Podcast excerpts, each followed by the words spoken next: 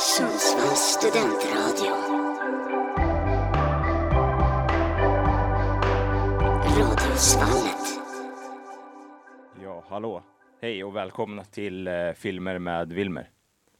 Ja, det där var ett test. Vi har haft lite teknikstrul så här på, på morgonen så här. Eller på morgonen, förmiddagen, lunchtid. Nu börjar det bli eftermiddag. Och eh, ja, välkommen till Filmer med Wilmer minus eh, Wilmer då, som tyvärr har lämnat oss för eh, sin praktik. Exakt. Istället så är det jag som får eh, kliva av avbytarbänken och hoppa in här. Då. Ja, och eh, ja, det är eh, jag som heter Jesper. Då är det jag David också. Och Samuel heter jag. Och eh, tyvärr då så kunde inte Jocke och Eddie vara med idag. Så att, men eh, vi kör ju på ändå såklart. Exakt. Och då eh, kan vi börja med att ta vårt första tema här, är liksom, eh, som på, det är ju tema vinter den här lördagen. Så att, eh, Just det. vad tycker ni är de bästa vinterfilmerna? Eller just nu, eller överlag, eller? Ja, Oj, nej men gud, den första som, pro- som ploppar upp i huvudet det är ju Frost alltså. Frost. Av alla. Nej men alltså, Ja, men hade- inte en dålig film. den, den är inte dålig. alltså. Tvåan Den är också ganska bra alltså. Ja, den är, den är inte dålig men Nej. det var inte den som jag kanske tänkte att jag skulle så här, komma på av alla Du skulle filmer. ha något sånt filmrecensions, Ja, pretentiöst, skulle ha- snyggt svar. Skulle ha något riktigt så här som har legat högt på IMDB men Ja. nej men det vart Frost alltså. Nej, men, En rysk dockfilm från 38. som men typ, hade... något riktigt så här, men någon, nej men gud jag vet inte faktiskt. Det är ju Frosten som är där alltså. Du då Ja. Samuel, har du någon som kommer på rak arm? Inte I, i vinterfilm vet jag inte. Försöker tänka efter. Jag har ju jul, julfilm till, kopplar jag alltid till Love actually. Ja. Jo. ja men det är liksom, det är ju mer som, säger, som du säger jul liksom. Ja, exakt. Så att det är ju, det är svårt att veta, eller Jag- alltså jag får säga- vinterfilmer. Jag får säga Sällskapsresan, vad heter den när de Snow åker- Roller. Ja. Ja, riktigt bra rulle alltså. Det är en bra film alltså. Den är... Sen tycker jag alltså alltid typ Star Wars passar bra i på Ja. vintern liksom. Det är inte en film som jag brukar se på sommaren typ. Nej men det Ja, finns, sant. Bra idé. det finns ju vissa filmer som jag tycker så här, passar in på typ alla årstider lite smått. Så här, ja men nu är jag där, jag har pratat om de här i tidigare avsnitt också, men Harry Potter, alltså den funkar, alltså de täcker ju, typ, Jag tycker det är höst alltså. ja det är höst, men de täcker, Höstrusk. ja, men de Sitter man täcker, hemma med så här. jo men de täcker ändå in liksom alla så här årstider lite smått i filmerna, så att de funkar liksom så här, är det lite där. Jo, det är sant. Kolla på Harry Potter i juli där, när det är 25 plus ute, det kan gå. Kanske inte optimalt, men det går. Jag börjar sätta på Harry Potter liksom på när vintern börjar eller på hösten. Ja men höst, Mm. oktober där passar bra. Men just kring vinter så är det ju typ frost som jag kommer på. Men Du då Jesper, har du någon? Ja, du sa ju Star Wars. Ja, jag nämnde ju Star Wars, men jag Mm. tycker ändå att eh, någon mer film, typ, det är också så här julfilmer, typ Die Hard. ja, Mm. är en, eh, jag tycker jag är bra, speciellt tvåan då, lite jultema, men det är ju julfilmer, nu är det julvarigt liksom. Men som, som är Ja. bra i vintern liksom, jag tycker många liksom så här actionfilmer är helt enkelt bra på vintern liksom. ja. Mm. När det ska vara mörkt ute fortfarande liksom. Det känns ju som att så här, höst, vinter är bra filmårstider. Men det blir ju ofta så, man ser inte Mm. lika mycket film på sommaren liksom. Nej. När man känns... att det är liksom så korta dagar. Det känns som att man mer spenderar tid inomhus. Sätter på film liksom. Att det, Ja men precis, det är mycket mer sånt liksom. Man, man är inte ute lika mycket och sätter på en trevlig rulle liksom. Ja, jag tycker det kan vara nice här. Alltså för jag hatar ju vintern, vintern och jag vi går inte bra hand. Jag gillar inte kyla och sånt där. Så jag tycker det kan vara nice att sätta på någon så här film, bara så här, typ Mamma Mia, direkt från typ någon så här Grekland eller någonting. Bara för... du menar att det blir tvärtom? Istället Ja, för att anamma vintern så tittar du på saker som Ja, exakt. Från tar det- till sommaren. Ja, liksom så att Ja. jag kan liksom så här, så ha motivation liksom. Att det blir varmare. Det kommer bättre tider. ja, det kommer bättre Ja. tider.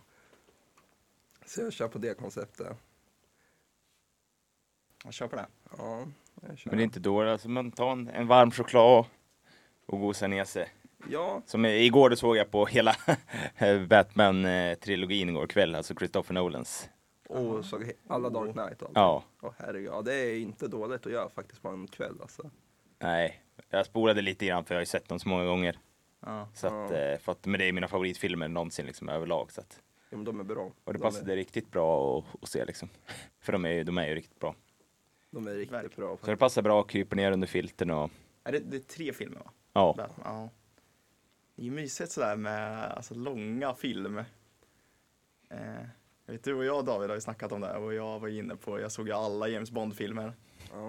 Eh, Det är ju, är det inte typ 26 stycken? 27. Ja. Sen var det två man behövde betala för att se. Som var, så de eh, såg jag inte, jag såg 25 Mm. av dem. Sådär. Men jag gillar ju typ det här konceptet liksom, att man bara hugger tag i ett stort. Men det är det, James Bond passar liksom. också bra till vintern. Jo. Alltså jättebra till vintern, alltså Mm. tycker jag. Alla de här alltså, filmserier så här, överlag, när det är typ så här, Mm. typ Beck om vi ska ta dem. Ja. Det är så här 50 filmer, det är ju inte en dålig plan att plöja av på en vinter liksom. Alltså, nu ska jag se liksom alla de här. Så börjar man från ettan så slutar Man man. börjar i december så är man klar i slutet av januari. Men typ alltså. Man bara så här, kör liksom en julkalender fast med film. Ja, Ta en per dag. en Beck-film om dagen. Ja. Såg ni att den vann pris va? Jo, de Stämmer en? Guldbagge. Jag fick så här fansens, eh, fansens röst, eller vad heter det, supporternas, eller vad man säger, eller Ja. publikens Guldbagge typ. Men det är typ det, Och det är första Guldbaggen Beck har fått. det är så Ja. pass. Så det är faktiskt sjukt det med tanke på hur mycket den har gjort för film-Sverige, liksom, hur stor Ja. den är liksom, i film-Sverige. Mm, verkligen. Men jag tycker Det ändå är väl så här, han eh, Peter Habers första också va? Nej, han har fått två innan. Okej. Eh, men alltså den... Han hade ju märklig frisyr, jag såg bilderna på när han gick. Ja. Men jag vet inte om det är någon film man håller på att spela innan han ska ha sådär långt hår, eller så om man bara vill ha det för, för stilen. Den, eh, det var ett hårfäste som började långt bak och sen så Ja. var det långt i nacken. Ja, det, var, det var ingen snygg stil. Men Nej, men alltså den eh, Beck-filmen är ju typ den bästa som de har släppt på senare år. Måste jag ändå säga. Det är ja, kan det de- vara. De har, jag tycker de där 90-talsfilmerna är bäst, men sen den här var inte dålig alltså. Nej, det, det är ju Persbrandt som gör mycket av de tidigare filmerna. Han är ju otrolig. Och på tal om Persbrandt så ska vi gå in på våran stora grej. är ju en Persbrandt-film sen som vi ska snacka om. Ja men precis. Ja, Och den skulle vi kunna gå vidare till nu faktiskt. det tycker jag vi kan göra. Och vi har ju nyligen sett eh, filmen Hammarsköld. Ja. Som hade premiär då på juldagen. Ja, Ja. juldagen hade den premiär. Och det, ja, den handlar ju om den kända, ja, general, gamla generalsekreteraren för FN, eh, Dag Hammarskjöld. Precis. Jo men, jo men exakt, alltså det, vi kan ju börja med att, jag vet inte, det var ju nytt för mig i alla fall att uppleva att vi satt ju helt själv i den där bioslangen. Det, Ja, det var... ja, det var riktigt speciellt faktiskt. Men det var, Men också ganska skönt. Alltså det Ja. gjorde inte mig någonting faktiskt. det var lite av en så här skräckblandad förtjusning. Liksom, så här, för man vet ju, hade inte vi gått dit, då hade de ju nog bara så här skit i att visa filmen. Nu känner man sig lite så här, Vi gjorde något bra för samhället. nej jag kände lite skuld liksom, när vi höll kvar dem. Den här- Jaha, du menar så. sista filmen på Ja. hela kvällen. Alltså bara kommer vi där och ska kolla på Hammarskjöld bara. Men ja, Det är, det är kul att se film. Så att, men det är väl inte så mycket filmer ute nu liksom. Den här vi Nej. också hade ju premiär för länge sedan. Och det har väl inte varit någon stor en filmer som är, torsdag de är kväll inte, nu är det ett litet mellanrum känns det som också. jo, Mm. det är inga, det är, alltså, det är väl inga så här, jättestora filmer som har premiär just nu. Tror jag. Nej, Det är väl lite så här, man försökte gå igenom affischerna som hängde där i bio mm, filmstaden men det var inget som var det är den där Stockholm Bloodbath. ja, som hade igår blev väl. Just det. Som ändå såg ganska spännande ut på trailern i alla fall. Ja, Får se vad den. jo, men vad tyckte ni om Hammarskjöld? Jo men alltså jag tyckte den var, var bra liksom. Alltså det var en bra film tyckte jag. Mm. Den såg väldigt, den var väldigt påkostad och eh, ja man säger påkostad och eh, välgjord liksom. Alltså det var Mm. inte så här dåliga scener eller effekter tyckte jag själva så här. Det såg väldigt så här äkta ut. Tyckte Mm, jag. Så man om. kände som att det var påkostat. Det kändes som, liksom. det kändes som man var där i Kongo på hans kontor i New York liksom. Mm. Produktionsmässigt kändes det som att den var, jag tyckte den hög, höll en hög nivå. Eh, Vad tycker du då? Du ser skeptisk ut. Jo men jag, nej nej nej, du är inte skeptisk, det är jag inte. Men jag, jag vet inte, jag är lite lurig på, jag har för mig att det är typ den, antingen var det den eller Avgrunden som var den film som har haft så störst budget i typ svensk filmhistoria. Men jag är inte Oj. säker. Okej. Alltså om man tänker så här svenska filmer, men jag är inte säker, jag är inte säker. Men Alltså, han, jag tyckte den, alltså den är ju väldigt, väldigt bra, tycker jag. Alltså, den är ju så här, hur ska man säga, man blir ju typ tagen när man kollar på den. Mm. Jag tyckte den typ hade en grej som jag tyckte rent stilistiskt som jag hade lite svårt för. Det var de här, jag vet inte om ni reagerade på det, men det, ibland så körde de typ slow motion. Mm. Eh, det kunde vara ibland, eh, man ser så scener från byar i Kongo när eh, det kommer attacker typ. Mm. Jag försöker inte spoila filmen för mycket. Eh, Men samtidigt så det är inte så mycket att spara. Många vet ju om Dag Hammarskjölds liv Ja. liksom. ja, eh, hur det- det är lite väl bara mer- att man inte behöver, alltså. Och det där är liksom, det kanske är ingenting att spoila för det är inget så här Nej. kul att bli spoilad om heller. Alltså det är mer så här hemska grejer som händer i Kongo Mm. liksom. Ja, Men Som, som man kan läsa om och veta om liksom. Ja, i och för sig, det är sant. Eh, Det är ju ändå baserad, det är ju en biopic liksom, det är ju baserat på mycket verkliga händelser. Eh, som de har dramatiserat liksom, så att det är ju inget, faktan finns ju redan ute och fanns ju redan sedan gammalt liksom. mm. Eh, men jag tyckte, jag hade lite svårt för det där med att de typ så här slow motion, det finns också en scen i slutet eh, i flygplan som man också ser där de har valt att använda slow motion jag tycker, jag vet inte vad tyckte ni om det? Kommer ni ihåg det? Jo, Det är den han satt där när den störtade planet. ja, Mm, och också när bilar eh, kör in i de här små byarna och börjar skjuta liksom. Så kunde de typ använda slow motion och typ, Ja. så att det kunde sakta in och sen gå jättefort. ja. Kommer ni ihåg det? Jo, men jag kommer ihåg det, men jag, Mm. alltså, det bygger ju upp en viss här, äh, en dramatik just i händelsen. Mm. Det är ju en ganska så här, äh, ja men det är ju liksom en så här äh, händelse som typ ska väcka känslor. Mm. Och då blir väl så här slow motion typ ett sätt för att stärka det lite så här, antar jag. Men ja, alltså jag vet, jag tror inte de här typ ja, men scenerna skulle ha varit något bättre om man inte hade typ slow motion. Typ de här, Nej. det här i planet. Jag tror det hade så här, äh, jag tror att slow motion tillförde faktiskt så här, äh, ja men så här typ lite dramatik till händelsen. Hur jag ska förklara det. Ja, kanske. Ja, ja men faktiskt, det kan, det kan man tycka. Alltså att det, det kan man ju tycka olika om liksom. Ja. Mm. Så att, eh, men eh, ja, det är väl lite både och. De ville väl förstärka med slow motion antar jag. Jo, det är När det de skjuter ner de här eh, Kongos urinvånare och de här Mm. belgiska eller de här belgiska legosoldaterna. Ja, men precis. Mm. Exakt. Eh, vad, vad hade ni för övriga synpunkter? Jo, men jag tyckte den var väldigt bra. Så Persbrandt tyckte jag var väldigt bra. Skådisarna var väldigt bra tyckte jag. Ja. Alltså så här, Mm. överlag, det var väldigt bra skådespelarinsatser liksom. Jo men det kände jag också. Alltså, det, alltså, jag vet inte, alltså, speciellt typ slutet på filmen. De alltså, Mm. alltså, där var det ju faktiskt svårt liksom att inte liksom, men där fick man ju hålla tillbaka lite. Ja, man jag. blev ju lite gripen liksom av hans Ja. Det var väldigt, historia liksom. det var väldigt Mm. så här. Alltså det var väldigt, väldigt bra slut ska jag säga på filmen. Liksom Mm, när man Det såg om. när man såg dem där, typ, när det var helt så här stilla typ. På typ, om det var Sergels torg eller om det var en, ja, men i Mm. centrala Stockholm. Liksom inte, men när liksom folk hade stannat typ mitt i ett steg. Ja, det var snyggt att de hade lagt Ja. in eh, riktiga klipp. Ja, För att det kändes som att, alltså så hade de skådespelat det, då hade det varit svårare att ta det på allvar. Håller ni med om det? Det var Jo. snyggt att det var liksom utklippt ur nyhetssändningen när hela Ja. Stockholm stod Ja, still. Man Ja, på att- riktiga liksom. Ja, exakt, det att, var Att mäktigt. det här var liksom, att det var dokumentärt liksom, att kolla hur det, vilken, vilken grej det här blev. Eh, Och jag, jag tyckte också de här klippen som man använde i början på riktiga Dag Hammarskjöld. Det kan ju Mm. lätt bli så att det kanske blir lite fel att blanda riktiga mot, men jag tyckte det var bra att visa liksom riktiga Dag Hammarskjöld. Jag tyckte det passade bra in med själva handlingen. mm. Ja, Där i början liksom när de visar liksom bilder från när, liksom, när han åker runt liksom sådär. jo, men det, jo men eh, det tyckte jag också var bra. Alltså, man var inte rädd för att använda så här, äh, men för att visa att, liksom, att det här är Dag Hammarskjöld. För jag vet vissa sådana här äh, biopics och så, där, där är det ju bara skådespelaren som syns. Där har man ju inte liksom så här, men tagit med själva men personen som det handlar om riktigt i typ själva filmen. Nej. Om man ska ta typ Oppenheimer, jag är inte säker, men jag tror inte så här, men jag tror inte, ja men jag tror inte själva Oppenheimer riktigt var med i filmen. Jag tror bara det var Killian man såg. Just det. Och där tycker jag så här Hammarskjöld ändå, men jag tyckte de fick en bra så här mix på det att ibland liksom att använda ja, men, den verkliga personen och den liksom skådespelaren. Mm.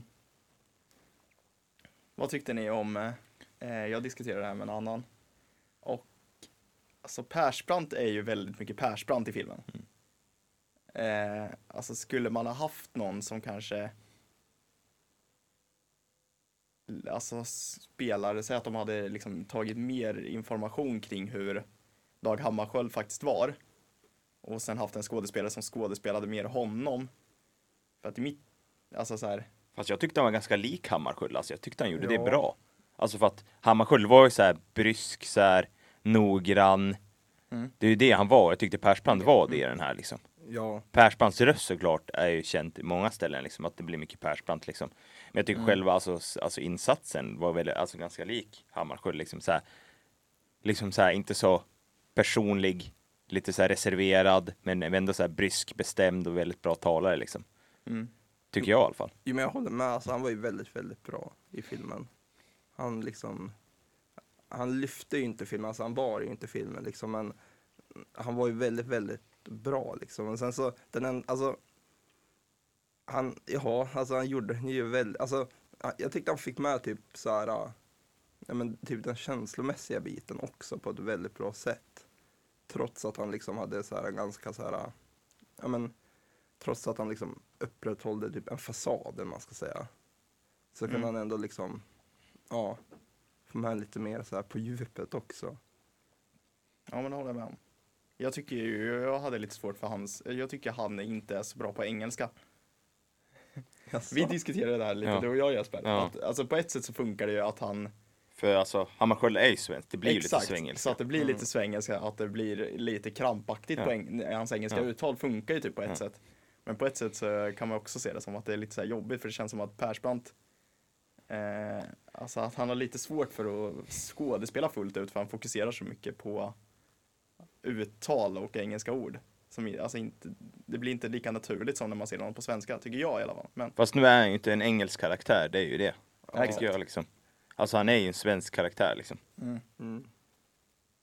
Nej men jag förstår in så här, jag förstår tanken med det, men jag tror ändå så här, alltså jag vet inte, jag har inte sett någon så här liveklipp eller någonting på typ Hammarskjöld. nej, Så nej inte jag heller, så, så det är svårt att veta. Så jag vet ju liksom så här inte hur han, ja men hur han snackade.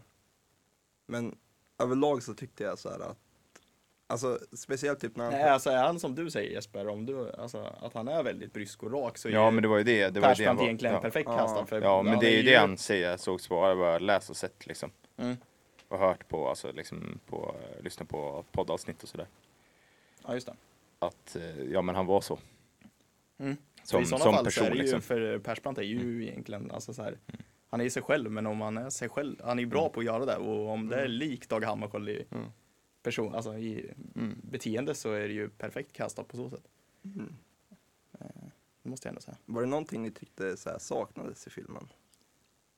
Det pratade vi också lite om efter, Mm. direkt efter att lite mer eh, flashbacks liksom på hans uppgång. Liksom. Nu var det ju mest sista året vid livet. Mm. Hur han Mm. Klarade Kongokrisen men kanske. Och sen var det såklart, det var lite flashback, vilket var bra, liksom lite Oppenheimer-aktigt. Mm. När han var i, liksom, när han var ung och vandrade i fjällen liksom. Mm. Och eh, Det var ju mycket, eller alltså man fick en del flashbacks och en del eh, tillbakablickar, men det var ju mycket kring hans personliga liv. För att liksom bygga en dynamik i den här relationen som han har med han Peter Mm. Levin. Ja. Eh, men det var inte så mycket på karriär. nej, man hade kunnat vilja sett rakt- lite mer karriär för liksom, Mm. han var ju kungen direkt i början av filmen liksom, på FN liksom. Han var ju liksom, Ja, men jag har, alltså vi snackade om det Mm. precis efter och sen så efter jag har sugit in filmen lite mer så har jag tänkt att det är ganska snyggt stilval att inte ha med det alls. ja. Förstår du, förstår Ja. du vad jag menar? Alltså hela filmen är skriven i mörker. Och att allt, i- alltså ingenting egentligen, alltså så här, man, man har ju en bild av Dag Hammarskjöld som liksom någon som gör väldigt mycket bra. Eh, och att istället för att skriva, alltså det, det naturliga sättet att skriva en dokumentär eller en biopic om honom då är ju hur bra, mycket bra han gjorde liksom. Och fokusera på det. Här har de fokuserat på det mörka i hans liv, hans liksom hur, hur, det, hur, han- hur mycket motstånd han fick i sitt jobb och sen hur det, hur det alltså hans tragiska död. Man har fokuserat på liksom de tydligt mörka parterna i livet istället. Jag tycker det är ganska intressant take Ja, Jo, när du säger det så. på, på hans liv liksom istället. För att eh, gå igenom allt bara bra och sen så blir det en hyllning. Så lyfter man fram hans mörka delar av livet också liksom. Ja, men ja, alltså. Jag Och han var ju väldigt ensam. Ja, Ja, exakt. Och pro- alltså det problemet blir ju liksom lite att man måste ha kanske lite påläst innan. Mm. För man vill ju gärna, för att bygga upp den här karaktären så vill man ju på något sätt veta varför han var så hyllad också. mm, Det saknas ju lite i filmen. Men, men kan man det sen innan? Ja, man För- förstår- Utgår man från att ja. filmskaparna har tänkt att nej, men det här borde folk veta. Ja. Så kan man ändå förstå varför de inte tog med Och sen fick man se lite sånt liksom när han liksom när Chrusjtjov ville avsätta han och Mm. eh, liksom han gjorde det där talet, då förstod man ju verkligen liksom vilken påverkan han hade på nationerna, vilken så här liksom mm, vilken förhandlare han var liksom. ja. Och vilken så här liksom ja, talare och förhandlare och allt sånt liksom. Alltså som en väldigt typ bred person. Det känns Mm. som att han var väldigt så här. Ja men kunde typ allt nästan kändes det lite som i Och sen liksom det som ni sa lite, som vi också pratade om, han var lite fuck it på slutet liksom. Ja, jo. För att liksom, liksom det känslomässiga gick inte ihop liksom. Nej. Och han, man, det var ju det de försökte visa liksom att vad som, han var ju liksom lyckligast när han var med sina vänner på Österlen liksom. Ja. i Skåne. Och det var ju därför han hade ju köpt ett hus och han skulle ju pensionera sig där efter FN. Mm. Uppdraget liksom. Mm. Men han var ju fortfarande mån om att han skulle vara värt, hans liv skulle vara värt någonting i världspolitiken. Liksom. Ja. Och det här eh, att han var ensam, liksom, han var ju väldigt ensam. Liksom. Han hade ju sin apa som dog Ja. när ströp sig själv liksom. Jo. Och eh, ja, och det, man, det kan man ju aldrig få veta, men det är både att han är en eh, liksom karriärsman och arbetsnarkoman och samtidigt är det också att eh, liksom, han kanske var homosexuell. Liksom. Alltså man kan ju aldrig få veta det, men liksom, det finns ju så här, det var väl, jag läste att det är brev som kanske tyder på det, att det kan vara åt det hållet liksom, och det var inte på. Mm, nej, exakt, så har jag fattat det också. Mm. I, I filmen så framställs han ju som, eh, som att han liksom bråkar lite med sin egna sexuella läggning. Liksom. Ja. Att han eh, kanske egentligen vet om det men att han själv inte vill acceptera det för sig. Eller alltså att han Ja, och han vet ju själv att man, man kan inte vara generalsekreterare på FN. Liksom. Det, var, det var inte accepterat någonstans. Liksom. Nej, exakt. Speciellt Och inte som en... Den som han eh, då har en crush på, Peter Levin, eh, har ju dessutom i Sverige blivit dömd för, eh, jag kommer Ja, gripen vart han. Och jag har ju läst att Gripen, ja, Peter. Levin, han var ju inte en riktig person. Nej, Utan han är baserad på flera personer. personer som han skrev brev till Mm. hemma i Sverige då. Som han ska ha hans gamla vänner och liksom. Så, ja. Exakt, men eh, i det här, alltså där de ändå tar med som är intressant här är ju att man ändå ska veta att det här utspelar sig på en tid där man kan bli gripen för homosexualitet. Ja. Eh, så att det är ju väldigt tabubelagt liksom. Det är inte som, det är inte som nutid liksom. Eh, vilket också såklart påverkar eh, Dag Hammarskjölds liksom, därför resonemang jag- kring hans ja. egna sexualitet. Och det var därför tycker jag hans fall på slutet vart speciellt starkt. Liksom, att man fick liksom att han kämpade verkligen med det känslomässiga och samtidigt Mm. ville göra det bra i världen. Liksom. Alltså, Han var ju verkligen pressad från alla håll. Både känslomässigt, han var pressad från västländerna, stormakterna, och från öststaterna, stormakterna. Ingen gillade honom i princip. Eller, han hade väl många supportrar och sånt, att de gillade honom. Men de här rika länderna ville ju inte, stormakterna ville ju inte, tyckte ju inte om honom, nej. alltid. Och där tyckte jag väl så här ensamheten också som han hade varit. Det vart väl lite väl så här typ påtagligt. Alltså när han blev pressad från allt och alla håll. Och så liksom åkte han hem till sin butler direkt efter liksom så här tal och sånt där. Bara la sig på soffan och typ somna och såna där. Och kunde, han kunde inte sova liksom, han bodde, men det var ju därför Ja. som jag tyckte det var så bra när du visade att han var i Österlen med sina vänner, liksom, han sov bra liksom, för att bygga Ja. upp det här kontrasten. Att han liksom, han, han var verkligen lycklig där liksom. Där kunde han sova gott och liksom inte behöva, liksom han trivdes verkligen inte trivas i New York liksom, och, med det Mm. personliga livet liksom. Nej, men jag, ja, det var fan väldigt fina scener faktiskt. ja, det, jag tyckte det blev så Också att starkt Österlen också. var jävla fint. Ja, det är riktigt fint på Österlen. Alltså. Får nästan åka dit. Men jag tyckte det blev så här väldigt starkt också. Så här, för han skickade ju så här ett brev till heter den där, Peter Levin. Dans, jag- Nu vet jag inte om det här brevet finns här. Nej, men jag tror inte det. Det var mer Ja. fiktivt. Men jag tyckte det tillförde till filmen var när det stod så här, bara, att han skulle typ lämna allt och bara flytta tillbaka dit och sen bara se vad som händer liksom. Alltså förstår du? Så här, Det ja. sista brevet han skickade. Ja. Ja. Jag tyckte det blev så här, tillförde mycket när han bara liksom Mm. det där och sen bara satte sig på planet och bara nu ska jag få det här gjort och sen ska jag bara liksom dra mig tillbaka, man ska säga. Ja, just det. Ja. Att, och sen så man undrar om det var så han tänkte, alltså även om det kanske inte var så att han eh, skickade något brev till Peter Levin eller någon annan. Att det faktiskt var så att det var, han kände att det var hans sista uppdrag och att han kände att nu börjar jag bli klar med det här, jag vill lägga av och sen så blev det så här ett tragiskt slut liksom. Ja, jag vet inte, alltså det är väl Gud, man, alltså man skulle ju nästan ta och läsa den där boken man skrev också känner jag. Vägmärken. Ja, Ja, vägmärken. men det är ju liksom mer eh, lyrikbok. Ja. Ja, det är det. Mm. För jag, där, jag hade lite svårt för den här poesidelen som de slängde in. Vad tyckte ni om det? Fast det var ju han, det tror jag är draget från hans riktiga bok ju. Ja, jag tror också det. Det är det är det? Ja, ja, det är från hans riktiga bok. Ja, det var... mm. Och då tyckte du att den kom så här in och skavde lite då och då när Ja. den här kom in? ja men alltså, jag tyckte att sen när de lyfte det här, det stod i eftertexterna att hans bok Vägmärken eh, läses fortfarande idag och har sålts över hela världen och så vidare. Och då fattar man ju lite var det kom ifrån. Men i filmen så tänkte jag, vad är det här för konstigt skit som, som liksom producenten och regissören har skrivit ihop? Förstår du vad jag menar? Jo, jag för jag det. trodde att det var deras ord först. Ja. Innan jag fattade att det här är taget ur Dag Hammarskjölds bok liksom. Mm. Så tänkte jag, åh, nu har liksom han som har skrivit manuset gett sig på att skriva poesi. Ja, det är ju en väldigt speciell lyrik liksom, Ja. poesi. Men som, eh, jag tänkte vi kan fortsätta på det där, eh, på tal om när han sa det där fuck it, liksom att han klev på planet på slutet liksom. Mm. Och det var lite så i verkligheten. Det fanns ju en anledning varför han lämnade kvar sin Sture, han den här kompanjonen Sture. Mm. Hans närmsta man där på Sture, jag kommer inte ihåg vad han hette. Sture. Littner? Ja, Nej. Sture Littner tror jag Ja, kanske var, eller mm. något sånt. Och det fanns ju säkert en anledning varför han inte hängde med på planet. Han sa stanna kvar här. Mm. För han, det var en väldigt, det kändes som en väldigt stor risk. Ja, jag vet inte, jag Och speciellt när de inte fick några ba- backup jaktplan heller som eskorterade dem heller. jo, jag satt och Wikipedia sökte lite på den här Sture Littner. Okej.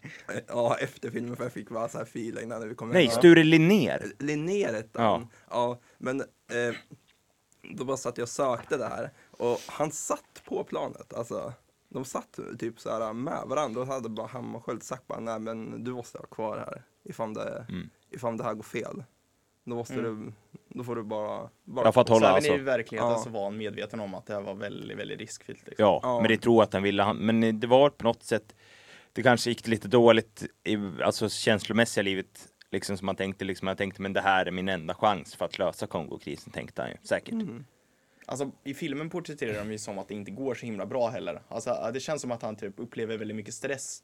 Han har en idé som är så här, så här ska vi lösa Kongokrisen. Mm. Men det han är- får mycket ja. mothugg. Mm. Man går emot det och agerar egentligen ganska impulsivt, liksom nästan Mm. under Alltså han smyger mm, nästan med det. Mm. Istället för att ta upp det på möten och rösta Ja. igenom det så bara kör Mm. han liksom. Och så går det snett så han känner ju förmodligen en enorm press. Eh, om det alltså var så att han, Och sen att han man- var tvungen ja. att lösa det och så han gjorde nog ganska dumma beslut liksom. Att hoppa på det här planet kände han att jag måste göra det här för att också rädda mitt, mitt, mitt eh, rykte liksom. Mm. Ja, och sen när man går in på teorier så liksom där på slutet att eh, om man kan koppla det till det verkligen, det är liksom hans flygolyckan vart ju aldrig liksom när de utredde den där 1961 så de kom ju aldrig fram till någon till då liksom. Och sen det fanns ju både som man kan läsa nu, det har ju kommit fram nu uppgifter på senare år som man fick veta liksom att till exempel att han, det är en, det är en pilot som har erkänt för sina vänner flera gånger som var legoknäckt då. Som var en belgisk legoknäckt som sa att han hade skjutit ner planet med Dag Hammarskjöld till sina Mm. vänner flera gånger. Okej. Och eh, det hade han erkänt för hans vänner då flera gånger. Han har ju gått bort nu, den här personen då. Men han hade ju erkänt tydligen för sina vänner flera gånger att det var han som sköt ner planet liksom. Och Mm. det, det har ju kommit fram uppgifter om att eh, att det var ett plan i luften samtidigt som det planet vid tidpunkten. Så att eh, finns Det kan ju mycket, mycket som pekar dit. Ja. Och sen samt som det läggs som att USA och eh, Storbritannien vägrar släppa dokument från Ja. händelsen. Liksom. Och de, de, har ju, de hade ju, alltså, jag tror alla underrättelsetjänster hela, hela ja, stormakten hade koll på Dag Hammarskjöld liksom. Så de vet ju Jo. nog fullt riktigt vad som hände på riktigt liksom. Och sen var det ju ett tag de försökte skylla på så här handhavarfel, men det var, det kändes som ett, alltså så här, ett svenskt proffsigt pilotteam liksom. Mm.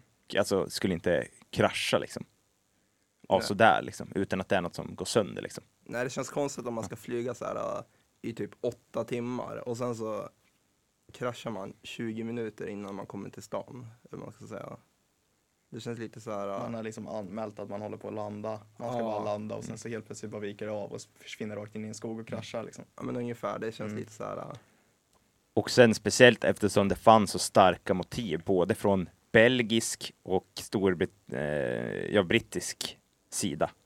Mm. Så fanns det ju väldigt många, eftersom både Storbritannien och Belgien ägde ju bolag och sånt, så alltså kapitalister som hade sådana här stora kapitalistbolag därifrån som, eh, som ägde bolag i, vad heter det, Katanga. Det, ja, det Mm. blir ju en... För uranium liksom. Ja, just det.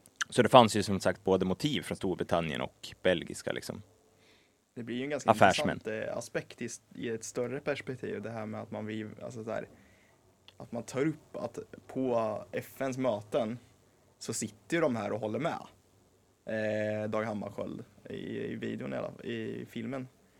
Alltså så här, man behöver inte basera exakt på, men man kan ju tänka sig nästan att det är så här i verkligheten också att utåt sett så är de så här, klart vi måste skapa fred i Kongo och så här, men sen när man ser eh, vilka ekonomiska förluster ett, en stormakt gör på att ge Kongo hel fri, alltså en, en hel frihet liksom.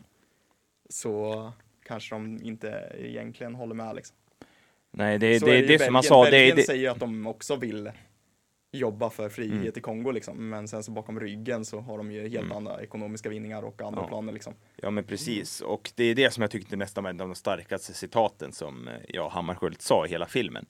Det var ju när han satt i soffan och var väldigt uppgiven innan, jag tror det var mötet med han Tuchomba då, innan han skulle åka ner, att han sa Mm.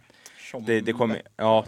Tuchomba, ja. Ja. Och det, liksom, då sa han ju det, det tyckte han nästan var starkast, så fick man ju liksom lite rysningar när han sa liksom, det kommer ju aldrig gå att lösa så länge stormakterna är giriga. Liksom. Mm. Ja. Och det, det är ju så det funkar liksom. Jag tror att det är så det funkar typ än idag.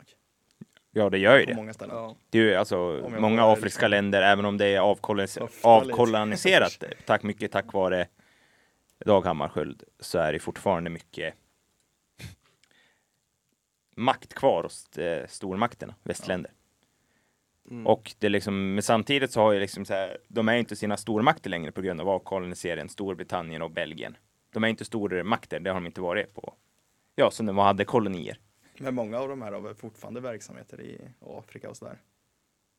Eller? Höftar jag bara nu? Typ Jo, här, men det är fort, det har ju- krigat, det, alltså det är fortfarande Alltså det var folk väl som... inte så länge sedan det var sådana här diam- diamantutvinningar för Holland och så här i Ja. Kongo och så vidare. Ja men det är ju fortfarande, det det vi har ju alla våra telefoner till, är ju från Kongo tror jag, när de bryter i gruvorna, något speciellt. inte så journalistradio att jag sitter där och höftar vad Ja. jag tror. Jag får ta det här med en nypa salt men Jo. Jo men alltså det är ju klart att de, de bryter ju grejen som vi har i våra telefoner i Kongo. Det är ju Mm. Liksom så att, eh, och det, det har ju sett, jag, har ju- nu har jag inte precis källa men att det används barnarbetare och andra saker som det har uppmärksammats liksom i media. Mm. Men eh, om man ska tillbaka till Hammarskjöld då? ja, det kanske ska hålla oss. ja, det kan Ja, man. nu gick vi in på lite Innan teorier jag, liksom. Innan jag svävar iväg för mycket här. Men vi har ju lite tid nu när vi bara ska prata när tekniken är som den är. När vi inte får musikavbrott. Nej, Nej. Stå ut med våra röster extra mycket. men jag tyckte det var så här äh, coolt också för det var vissa skådespelare som var så här äh, internationella skådespelare som man typ kände igen i filmen. Mm. Det var ju, han vet den där, äh, han från Belgien, han som var där säkerhetschefen. Det är Katanga. Han, Mm. Mm. Tuchombas, alltså du vet såhär, Ja, som fixar, fixar allt typ ja såhär. han, han som fixade saker. Ja, Han som såg ut att ha ett lite skadat ansikte. Jo men han, han, han var väldigt så här, äh, men hur ska man säga, jag vet inte hur man ska inget bra det. ord. Nej, Nej. inte jag heller. Men, eh, Men du vet vem jag menar. Ja. Och på tal om det var lite roligt när jag såg på Batman igår. Han är med där kom jag på. Mm. Han är ju han, eh, han eh, Chile som dödar eh, Bruce Waynes föräldrar där den här kvällen. Mm. Då spelar, som den spelar han i, i eh, det då, ja, det, det Batman Begins då. Ja. Nej, men jag tyckte det var lite så här coolt för jag satt hela filmen. Det här var andra gången jag såg Hammarskjöld men jag kände ju fortfarande igen han. Men jag visste inte liksom vart han kom från. Innan, innan, liksom, Nej. innan jag var tvungen att slå en googling liksom, liksom på vem det är. Och då ser jag ju så här, då har han ju varit med i så här typ The Dark Knight. Mm. Och det är lite så här ändå coolt liksom att få in typ, jag menar en sån liksom, alltså typ en internationellt stor skådespelare. Typ i en svensk film. På Ja men vis. precis. Och eh, sen eh, på tal om Han skådespel. eh, som skådespelar Kennedy känner jag igen. Ja, jag med. Men- Ja jag vet inte tusan alltså. Han var ganska lik Kennedy ändå, måste Ja. jag ändå säga. Ska jag slå en snabb googling? Ja. Jag- Och sen kan jag börja fortsätta på de här, eh, jag kollade upp de här, du vet de här belgiska aff- affärsmännen som var, Ja, liksom inte hade något hår. ja. Ja, de som var liksom eh, flint och eh, ja, inte hade något hår, som var, du vet, som var med bakom, som ville skydda sina investeringar i, ja men exakt. i eh, gruvan där, eh, urangruvan. Och Ja. de, de fanns ju på riktigt, de är väldigt lika också, de var ju också så här, när jag sökte upp dem på riktiga de här, jäklar. det är ju två stycken belgiska affärsmän liksom. Ja. Nej men det fanns, ja. Men jag tror, ja alltså. Ja, men det var, alltså jag satt tänkte på det hela tiden för att det var vissa så skådespelare som man kände igen, man, man kan hitta namnet på honom. Mm. Det var ju han som, en av dem där på Österlen var ju också, det var ju han en av så här huvudrollerna i Vår tid och nu. Ja, ja Man- men precis. Man kommer så. inte heller ihåg vad han heter. Så det var många sådana där man kunde koppla till olika ställen men man, man visste inte vem det, vilka det var. Det är lite som typ Oppenheimer. Man kände igen folk men man visste inte vart ifrån. Eh, verkar ju ändå tydligt att det var en ganska påkostad film. Som du Ja. sa, alltså, du hade ju någon, eh, någon höftad statistik på Ja. det var en av de mest påkostade i alla fall. Ja men där ska man inte, Men eh, uppenbarligen så har de ju fått en väldigt, vad tycker, alltså så här, lever de upp till det dock? jo men jag tycker det. Ja, men det tycker jag. Alltså, Ja. det är sällan man ser sådana här svenska filmer som är så här påkostade. Mm. med, med de här effekterna liksom, alltså, som verkligen, det såg inte dåligt ut. Det var liksom som jag sa förut, att det kändes som det var i Kongo. De Mm. alltså, alltså, och allt sånt liksom, allt sånt sätt, det såg inte dåligt ut. Nej men, jo. Jag tycker det är coolt ändå så här också när man spelar in filmer på typ så här, men om den typ handlar om ett specifikt land, att man spelar in den där då. Det tycker jag kan tillföra lite. Men hittar du vem eh, Kennedy spelade så? Jag har en dansk var en skådespelare som heter Cas- Casper Philipsson. Alltså, På vad, uh, vad, han var med autentiskt uttal. Exakt så. Va? vad han var med i då? Han har varit med i Bron, där de Ja. spelar dansk läge. Jäklar. Alltså dansk läkare då. Ja, Och det var det. Det var bara så bara. nu har jag lite pengainfo som du säger Ja. på det och det, det var årets största film, svenska filmsatsning. Det var så 2020. pass. det var 8 miljoner var budgeten, kronor. ja. Det är lite sjukt kontexten vad man använder i amerikanska ja. filmer liksom. miljoner, vad kostar den här? eh, Det är typ, den här ja. nya Sagan om ringen-serien som kom. eh, ja dyraste serien någonsin. Det var Ja, typ så här. Prime. Det var ju i och för sig en serie som du säger, Mm. tio avsnitt. Kostar väl en på, på, alltså miljarden. Aha. Är det verkar vara fel här. Nu har jag fel uppgifter här, nu måste jag ta tillbaka så här. Ja, det är tur hade att det är realtid. 78, 78 miljoner i, i budget. 78. ja, och det var den största, och blir fortfarande den största satsningen då i år. Ja. Hittills. Eller för 2023 då på Okej. svensk film. Mm. Det känns ju kul att svensk film satsar. Man hoppas ju typ att den här eh, får lite sån eh, global uppmärksamhet på något sätt. Jag tycker ändå den kan vara värd det. Eh, och sen också kul för, eh, för Sverige och eh, för Dag Hammarskjöld tänker jag. Ja. Att han får chansen Ja, precis. att det tycker jag. Att man, alltså, det blir en hyllning till honom liksom. Mm. Eh, vad tänker ni? Jag tänkte på det här lite grann att vad jobbigt det måste vara att ta på sig den rollen. Att så här, nu ska vi göra en film om en, alltså så, hyllad person. För att om det här, säg att det här skulle bli en riktig flopp, alltså nu snackar vi liksom fem av tio betyg liksom, alltså att vi gick därifrån och sa så här, fy fan det här var Mm. värst. Alltså, Lite som, vad- vad- eh, alltså det känns ju som att, för då har man ju liksom verkligen skändat någon annans namn. Skända är kanske inte rätt ord, men alltså förstår ni vad jag Men menar? jag förstår vad du menar. Alltså så här, de tar ju på sig att lyfta den här personens rykte. Alltså personen Mm. är ju då Dag Hammarskjöld i det här syftet. Liksom. Man, alltså man, det måste vara en enorm press liksom. Mm. Ja, speciellt. Jag tror det är mer för... Gör de en dålig film så Ja. förstör de Jag tror det är mer för, jag tror det är mer regissören som har pressen, han Per Fly liksom. Ja, och exakt, han är tydligen, jag läste han, han har jobbat med den i nio år, filmen liksom. Oj. Herregud. Ja, det, är- det, Jag förstår, men det, det gäller ju för, det är det som du säger, det gäller att vara noga på eh, biopics. För att Ja. annars, man vill ju inte att det ska bli något så här Alltså dåligt, det, det finns säkert dåliga biopics, men man behöver liksom För alltså i realtid så blir det ju så att skulle filmen vara dålig skulle man ju ändå förknippa Dag Hammarskjöld som person med en dålig film också. Förstår ni vad jag menar? Jo, jag förstår hur du tänker. det blir ju ändå, lig- om någon säger så här, Dag Hammarskjöld, och sen har alla sett en dålig film, så kommer man ju ändå tänka på den här dåliga filmen lite också.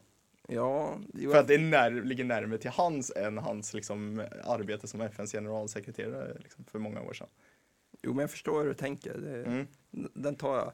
Jag. Jag har en biopic måste- på hjärnan som jag kommer ihåg inte var så riktigt bra. Men jag kommer inte ihåg på vilken det var. Men jag ska försöka tänka igenom det. Men ja. Men, The Dirt med Mötley Crüe, den är Ja. rolig. Den är ju rolig. ja, den var inte jättebra alltså. Jo, men den är ju bra, den är ju rolig. Ja, den är rolig men den var inte superbra ska jag säga. Jo, jag tyckte den var bra, den är kul. Den är väl så här tror jag baserad på boken. Ja. Deras. För mig. Ja, och det, det flesta stämmer ju i den filmen till exempel. Ja. Men Mm. om ni får välja en person som ni skulle vilja ha en biopic om. Som inte har fått en biopic än. Oh, väldigt bra fråga faktiskt. Ja, Vem skulle ni ta då? Ja. Jag måste suga på ett tag. Jag är inte bra, jag är inte så bra radio, att jag Alltså- sitter tyst och tänker. Nej, men vi, vilken person som helst. Har du någon on top of mind som du kan säga så länge? Nej, jag har ju inte det tyvärr. Men har du någon Jesper? Nej, jag sitter och tänker. Alltså det skulle vara kul med något sånt här, typ. Ja, nu, är, nu lever ju för de flesta jag tänker på liksom. Så det blir lite svårt, men. ehm, Har David Bowie någon? ja, jag tror det. Ja, Han har väl typ en dokumentär? han har en men- men dokumentär och så har han känns som att han skulle kunna vara ganska intressant att göra en Ja, han spelfilm. skulle med. nog kunna vara riktigt speciell faktiskt. Och... Han är ändå liksom ganska flärdig. Jag såg ju att uh, Gyllene Tider får en biopic som har såg premiär i sommar. Det måste vi se. Det är lite sjukt, ändå, de är inte så gamla liksom. Nej, De är ju, var de Nej. 65 typ? Någonstans där. ja, sånt. Jag vet inte. De har väl jobbat igenom sex, sju år av avskedsturnéer nu Ja. redan då. Så. ja. Men det är liksom, det är lite som bandet liksom, de bryr sig inte med så här, speciellt som Mötley Crüe, de är inte så, alltså de är inte så här, de är väl, eh, alltså, de är inte så jättegamla heller. Nej. De är inte dött liksom. De Nej. lever ju fortfarande. Det är det som jag tycker ändå liksom gör biopic på någon som inte är så här, är död, är också lite så här jobbigt. kan jag ändå tänka liksom. Ja, Fast ändå skönt för då kan man ju ändå alltid ha kontakt. Jag tänker att om man gör en Ja. biopic om någon, alltså som när de gjorde om Mötley Crüe liksom. Ja. Eh, så tänker jag att man har ganska tajt kontakt med i alla fall någon i bandet som liksom godkänner det man tar med. På ett annat sätt. Jo, ja, jo, men jag tror att vissa blir så här. äh, jag vet att det ska komma en sån här biopic, eh, eller det ryktas i alla fall, eller, eller den är igång tror jag, men det ska komma en biopic om Bob Dylan. Och där ska han vara en sån här, vad heter det, exklusiv producent. Typ, när de gör den. Det tror jag inte är en så bra idé. Nej, Att han är med och styr själv. Det känns som att då kan det bli lite vinklat åt ett håll. Som att han är ett jävla geni. men Alltså, han här var ska, men- vad jag har förstått det som ska han vara, liksom vara med på ett plan. Och, sen är ju alla biopics vinklade på ett sätt liksom. Jo, Men sen det är det bättre om någon annan än de själv vinklar liksom. Mm. Såklart. Ja. Ja, jag tror, att, jag tror att man inte ska vara med allt för mycket och styra själv. Har Beatles en biopic? Eller vad säger jag, biopic? Fan, säger helt fel. Ja, de, nja, inte riktigt. De gjorde ju en film där. Typ, vad heter det? A Hard Day's Night. Typ. Mm. Men jag vet, John Lennon har ju en typ av biopic. Typ när han, alltså typ, alltså, jag tror den heter Nowhere Boy eller något sånt där. Det är liksom från när han typ var men tonåring tills att de startar Beatles. Sen så är det inte kring, just kring själva Beatles, men det är typ när han träffar Paul McCartney och George Harrison. Mm. Jag vet inte, jag tycker lite generellt egentligen. Att biopics är lite svåra. För jag tycker det är lite jobbigt att inte veta vad som stämmer och inte stämmer. Alltså de kan vara riktigt bra dock. Det finns några biopics. Jag brukar typ läsa redan innan och sen vet jag att Mötter Ja. Ja, det, det borde den stämmer ju typ allting nästan. Ja, det och det är, det är till och med alltså. värre på, i verkliga livet än det Jo. var i filmen. Mm. För att det- stör mig liksom efter, vi har sett Dag Hammarskjöld mycket så här, man sitter ju och spekulerar så mycket. Kring så Mm. här, stämmer det här, stämmer det inte? Och så vågar man liksom inte uttala sig, eller man vågar liksom inte till sig allting. Nej, men det är det också som är speciellt med Dag Hammarskjölds liv, att det är mycket spekulationer efter Mm. hans liksom, dödsfall och det har varit det i 50-60 år. Alltså vad var det som hände? Det har ju Jo. varit lurt ända sedan början liksom. Jo, Att, jo liksom- exakt, men inte bara det. Alltså, typ så här, I filmen har de ju bestämt så här att, eh, jag menar, att han är homosexuell. Liksom. Eh, man skulle ju kunna vara, alltså så här, om man inte, ja, alltså, jag hörde någon eh, intervju i SVT med Per Fly. Eh, och då säger han att det är liksom inte baserat, och då, så jag visste det sen innan, men annars skulle man ju liksom ganska lätt kunna ta till sig att jaha, Dag Hammarskjöld var homosexuell, men det finns inget bekräftat. Eh, Det är väl bara att det kanske lutar åt det hållet. Ja, liksom. exakt, exakt. Så det är inte som att de har tagit det från ingenstans, men alltså, man, man vill ju inte lita på allting som sägs i en biopic. Men samtidigt, man måste ju vinkla åt ett håll, det blir ju inte personliga annars. Nej. Nej. För han hade ju, vad skulle han ha med då? Han hade ju ingen liksom annan relation förutom hans vänner då liksom. Nej. Han hade nej. ju alltså, det är ju Nej, mycket så här man ensamheter och sånt så bli- måste man ju fylla det liksom. Han hade ju aldrig någon fru, inga barn. nej. Men att- på tal om så här, Hammarskjöld och det. Det var ju, vart han inte anklagad typ för att vara homosexuell av typ någon stormakt eller någonting? För jag har för mig att, eh, efter, du vet, han träffar ju någon på toaletten i en film. Som eh, ska typ vara någon så här, eh, men han blev ju förföljd uppe i högkvarteret och så ska han Av någon, ja, någon undercover-agent. Ja, exakt en undercover-agent. Mm. Och så sa han ju något sånt där äh, när de hade gått ut därifrån och gick ner från den där trappen. Att eh, jag har ju inget att dölja, de har försökt med det här två gånger nu och nu får de sluta typ eller något sånt där hade han sagt. Fast jag vet inte om det var det, om jag tyckte det var åt det hållet. Jag tyckte det var mer liksom att de försökte kanske fimpa där inne på toaletten. Alltså, Nej, jag tolkar också som, eh, som David säger, att det var Ja. någon förmån Mm. att försöka leta fram att, Eh, alltså, Typ en invit eller någonting höll jag på att säga. ja, jo men det var alltså, att de precis. skulle få fram lite sånt eh, gossip om honom liksom. Ja. Så här, kolla, han flörtar. Och sen Mm. så, Men jag tror han var ju väldigt rutinerad, han var ju stenhård på en gång liksom. Ja, mm. Ja, han var nog ganska smart, han fattade nog vad som var på Ja, han var ju en väldigt smart person, det måste han ha varit. Så att jo. han visste nog mycket vad som försiggår liksom.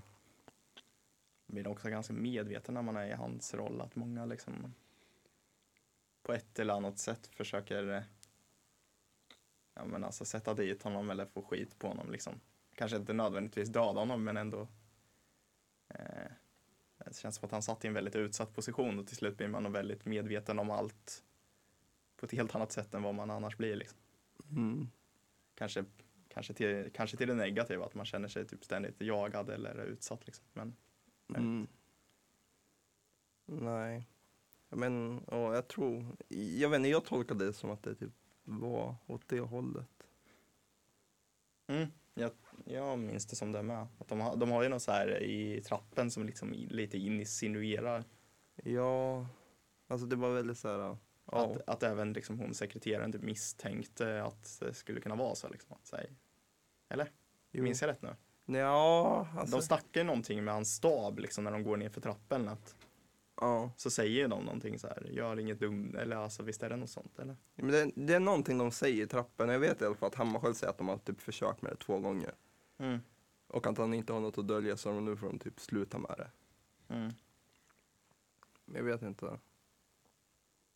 Sen så var det någon sån här händelse som ni snappade upp som ni kände så här typ en aha-händelse under filmen?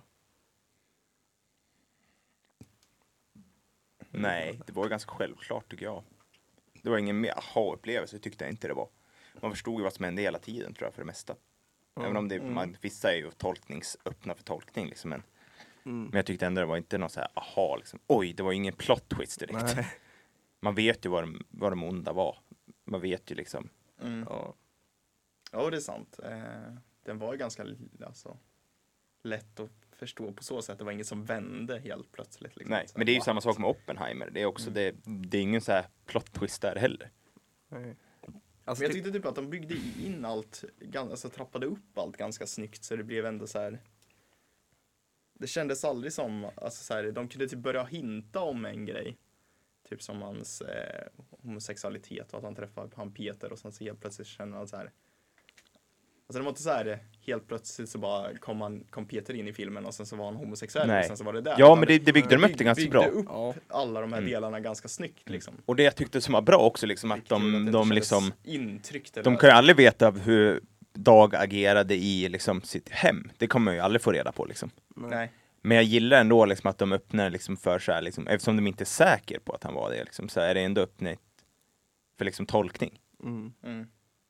Och det var den konflikten jag tyckte var, liksom var bra. Liksom. Men det tyckte jag också. För det kändes som att han ville ju leva ett kärleksfullt liv, men samtidigt Mm. göra sin plikt och eh, få sitt liv värt någonting för världen. Liksom. Han hamnade i ett dilemma, kan man ju säga. Jag tror det med. Att han Ja. liksom fick kände att han fick välja det ena eller det andra liksom. Mm. Och då kände han väl, jag vet inte, jag tolkar det som att han hamnade i det dilemmat och att han gjorde valet med att han ska köra nu så här, nu kör han klart den här perioden, sin så här, jag vet inte om det heter Och nu man- ska jag göra allt jag kan för att lösa Ja, den här Kongokrisen och sen så pensionerar jag mig. Ja, på och kan med, för att kunna med gott samvete liksom och leva, alltså försöka få liksom mer känslomässigt och Ja, för det känns som att han typ nästan ville så här bara kliva tillbaka helt, vet du, så här bara, Mm. alltså inte ha någon offentlig kontakt överhuvudtaget nästan. Om man tolkar det där typ brev eller vad man ska säga som Mm. var filmen. ja, exakt. Att bara nu, all- alltså speciellt också när han typ ställde sig där vid plan och bara så här, jag kommer åka det här planet oavsett, jag ska göra klart det här. Och nu sen bara, sen bara ska jag bara dra mig tillbaka typ. Tror du man typ ren- rent generellt eh, kanske ibland glömmer bort förmodligen, alltså hur mycket sådana högt uppsatta roller, alltså hur, alltså hur jobbigt det kan vara. Mm. Alltså man tänker ju att det liksom förmodligen, alltså han har ju nog jobbat hela sitt liv för att komma dit. ja. Men att, så han borde liksom vara nöjd. Men, men att så här, alltså han jobbar ju i princip, i filmen porträtterar det som att han jobbar i, i stort sett 24 timmar om dygnet. Sover liksom Mm. Ja. knappt. Liksom har jämt sin livvakt med sig liksom. Ja, han har liksom inte tid för något annat. Han hinner träffa någon kompis ibland. Eller han Peter här. Ja, och så åker han hem till Sverige några dagar, kanske på sin födelsedag, liksom två dagar, tre dagar. Liksom. Ja, exakt. Och sen så är det så här, ja, har du tid för en kaffe? Ja, kanske. Och sen Mm. Men det, det är också så hur tufft han hade det också. Liksom. För det jag tror han kände pressen. Det är mycket så här på han, bara, du ska- måste lösa det här, han måste lösa det, FN får lösa det här. Samtidigt vill inte länderna hjälpa FN. Nej. De tyckte inte om när han satte in trupper. Och liksom så här, och östländerna ville ju så här att, ja men du måste sätta in hårdare tag mot de här liksom västkapitalisterna. Medan de västländerna, du får inte sätta in några styrkor. Och liksom, alltså han, var, alltså han kunde inte göra någonting till slut nästan. Nej. Och det var det han har lyckats göra genom åren, att så här, vara väldigt bra förhandlare, att lösa det diplomatiskt. Mm. Men han är ju väldigt tyglad, det kändes som i Kongo. Där gick det inte med hans diplomati. Det var, Nej. för, det var för förstört. Jag tror inte för att han var dålig att förhandla. Han är ju väldigt bra förhandlare liksom. Mm. Men jag tror det, det funkar inte ändå oavsett med diplomati där i Kongo. Det skulle inte fungera. Vad jag tror Nej. i alla fall. Och att han var, han var ju väldigt pressad från olika håll. Försökte de typ. De bara lös det här, lös det här, men han har ju inga verktyg att lösa det med från de andra länderna liksom. Nej. Han kändes väldigt ensam. Jo men alltså, alltså jag tycker ensamheten var typ det som genomsyrar hela filmen. Nästan man ska säga. Att han, han åkte till kontoret, löste liksom, ja, men löste konflikten som han behövde lösa, åkte hem, typ satte sig och skrev typ om sin ensamhet. Och sen typ alltså, sen så det var ju någon scen också när, vet du, när han bjöd hem där Peter på middag typ. Och när Peter sa bara så här, ja men bor du här ensam? Nej, jag har ju Greenback och så har jag ju Rolf. Och då och då liksom Bilbo bara några kvarter bort. Ja, just det. Han jag i samma det- hus men inte i samma. Eller nej, han- det var bodde i närheten va? Ja, exakt. Mm. Och det är liksom så här, ja, han liksom nämner sin så här apa som han hade och sin butler som sina Mm. så här, typ närmaste personer och samtidigt också när det där, den där, vad heter det, inte portföljen men den där mappen med de här texterna. Att han, hade- Vägmärken var det väl? ja, vägmärken. Mm. Att han typ hade skrivit att hans sekreterare skulle ta den, liksom för att det var typ den närmaste personen han hade, tolkar det som. Mm. Det är också så här lite, typ, men lite typ hemskt nästan känns det som. Att jag tror inte man förstod riktigt hur faktiskt påtaglig den där ensamheten var för han. Om man liksom be- behöver skriva sin så här, ja, men typ en arbetskollega, sin Mm. sekreterare Nej, som liksom precis. så här, den person som ska ta liksom hand om hans liv. Eller man ska säga, eller hans så här, ja, men du nej, förstår. Jag fattar. Jag fattar. Ja. Till, alltså till, till viss mån. Sen så tror jag liksom att det blir ju ganska naturligt tror jag. De har jobbat så tajt med eh, ja, med sin eh, säkerhetsvakt och sin, alltså Mm. hon eh, sekreteraren var ju också med liksom konstant. ja, Så tror jag att man får en annan relation än om du jobbar på ett vanligt jobb och Jo, men det- träffar någon. Det känns som om att han var ju väldigt uppskattad på kontoret och väldigt tajt med Ja. dem där. Ja men exakt, så jag tror inte man bara ska se något negativt ur det Nej. heller. Alltså, men sen så förstår jag absolut vad du menar liksom, Ja. att det, det det fanns är lite inget jobbigt liksom, att det finns, fanns inga liksom, personliga relationer utan allt var ju jobbrelaterat. allt var typ professionella relationer. Det Mm. fanns ingen så här, ja, det fanns ingen relation på någon så här personlighetsplan. Det var liksom så här, ja, eller ja, i filmen så var det så. Dock så tror jag att, alltså de där arbetskollegorna där jag har haft ganska bra koll på liksom, alltså, de, alltså man märkte ju det att de kände varandra på ett bra plan. Om man ska ta typ den där trappscenen som ett exempel, när de sa bara så här, bara, när de kom in direkt på bara, du är nog så här, de vill nog liksom så här, ja men som jag tolkar att liksom, Mm. ja, Men man såg ju det att de väldigt så, så här, liksom, till exempel som Bill, liksom, så känna, känna, han verkar känna väldigt bra ja. och liksom brydde sig om Dag. Liksom. Jo, men jag tror man får en väldigt tajt relation sådär som eh, livvakt och alltså som Mm. person liksom. Att man, för man spenderar ju hela dagarna ihop så man Mm. kommer nog inte ifrån att få en personligare kontakt än bara yrkesmässigt till slut ändå liksom. Ja men precis. Annars funkar det nog inte riktigt. Vad, eh, hur, hur länge har vi kört? Ja men vi har kört en, eh, en timme snart så Ja, det är så. ja, så kanske dags att runda av för den här gången. Ja. Om vi inte har något mer. tiden. Ska vi summera? Vad vill ni sätta på en eh, 10-gradig skala? Jag sätter en sjua. Tror jag. Jag är Mm. faktiskt ensam om sju. Jag tycker det är ett bra betyg. Den är, ja, Ja men typ 6,5, 7. Mm. Alltså en, en bra film. Liksom. Den sevärd. Den är inte så här, det är, det är inte, så här, ju det är inte dåligt. Det är inte alls dåligt. Det är, Om vi ju- inte har spoilat för mycket så kan vi ändå rekommendera. Ja. Vi är väl ändå ganska ensamma Fast man bara, alltså, jag tycker det här är den. film som man kan spoila. För att Nej, det här det är ju exakt samma. Jag lyssnade på till exempel på radioavsnittet Mm. eh, eh, på P3 Historia med, om Dag Hammarskjöld. Det var nästan exakt samma handling som filmen. Det är ju en biopic. Ja. Det är ju Mm. liksom så här, Ja, sant. Men då kan vi liksom- väl ändå vara ensamma att vi rekommenderar folk. Det är ju bara att man får liksom mer Ja. känsla, bra skådespeleri och liksom Mm. så här, Exakt. en visuell bild av han. Liksom. ja. Men ja, då kanske vi tar avrunda för den här gången och eh, ja, vi avrundar dagens eh, Radiosvallet-sändning för att eh, Alltså, vi var sist ut. Ja, vi var sist ut här och vi hoppas att eh, teknikstrulet här som har pågått hela dagen är löst till nästa lördag. Och då Verkligen. kommer det nog komma några roliga sändningar igen. Så vi vill eh, tacka för oss. Tack. Ha det bra!